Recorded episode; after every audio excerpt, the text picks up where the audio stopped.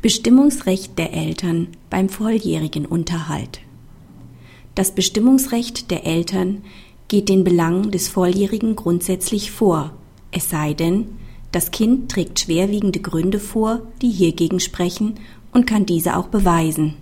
Wirksam ausgeübt ist das Bestimmungsrecht erst mit der umfassenden Erklärung der Eltern, wie der Bedarf des Volljährigen insgesamt sichergestellt sein wird. Mit Verweis auf seine frühere Entscheidung betont das Oberlandesgericht hier nochmals, dass sich die vom volljährigen Kind gewünschte eigene Lebensplanung am Gebot der Rücksichtnahme gegenüber den wirtschaftlichen Interessen der Eltern messen lassen muss. Hieran ändert auch die Gesetzesänderung in 1612 Absatz 2 BGB seit 01.01.2008 nichts.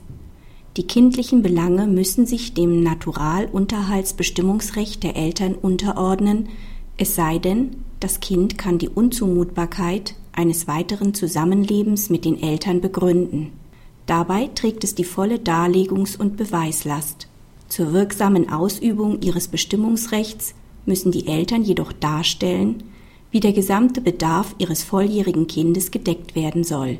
Das bloße Angebot von Kost und Logis reicht hierfür nicht aus, es sei denn, das Bestimmungsrecht wurde bereits wirksam ausgeübt, zum Beispiel vor dem eigenmächtigen Auszug des Volljährigen aus seinem Elternhaus, und das Angebot der Eltern bezieht sich nun bei einer Rückkehr des Kindes auf die Fortführung des vorherigen Zustands. Praxishinweis Schwerwiegende Gründe, die zur Unwirksamkeit der Bestimmung führen können, sind in einer tiefgreifenden Entfremdung zwischen Eltern und Kind zu sehen.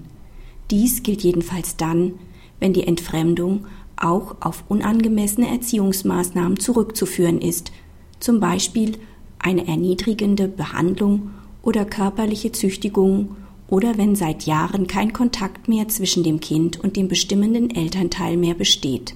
Aber auch sich widersprechende Bestimmungen der Eltern können unwirksam sein.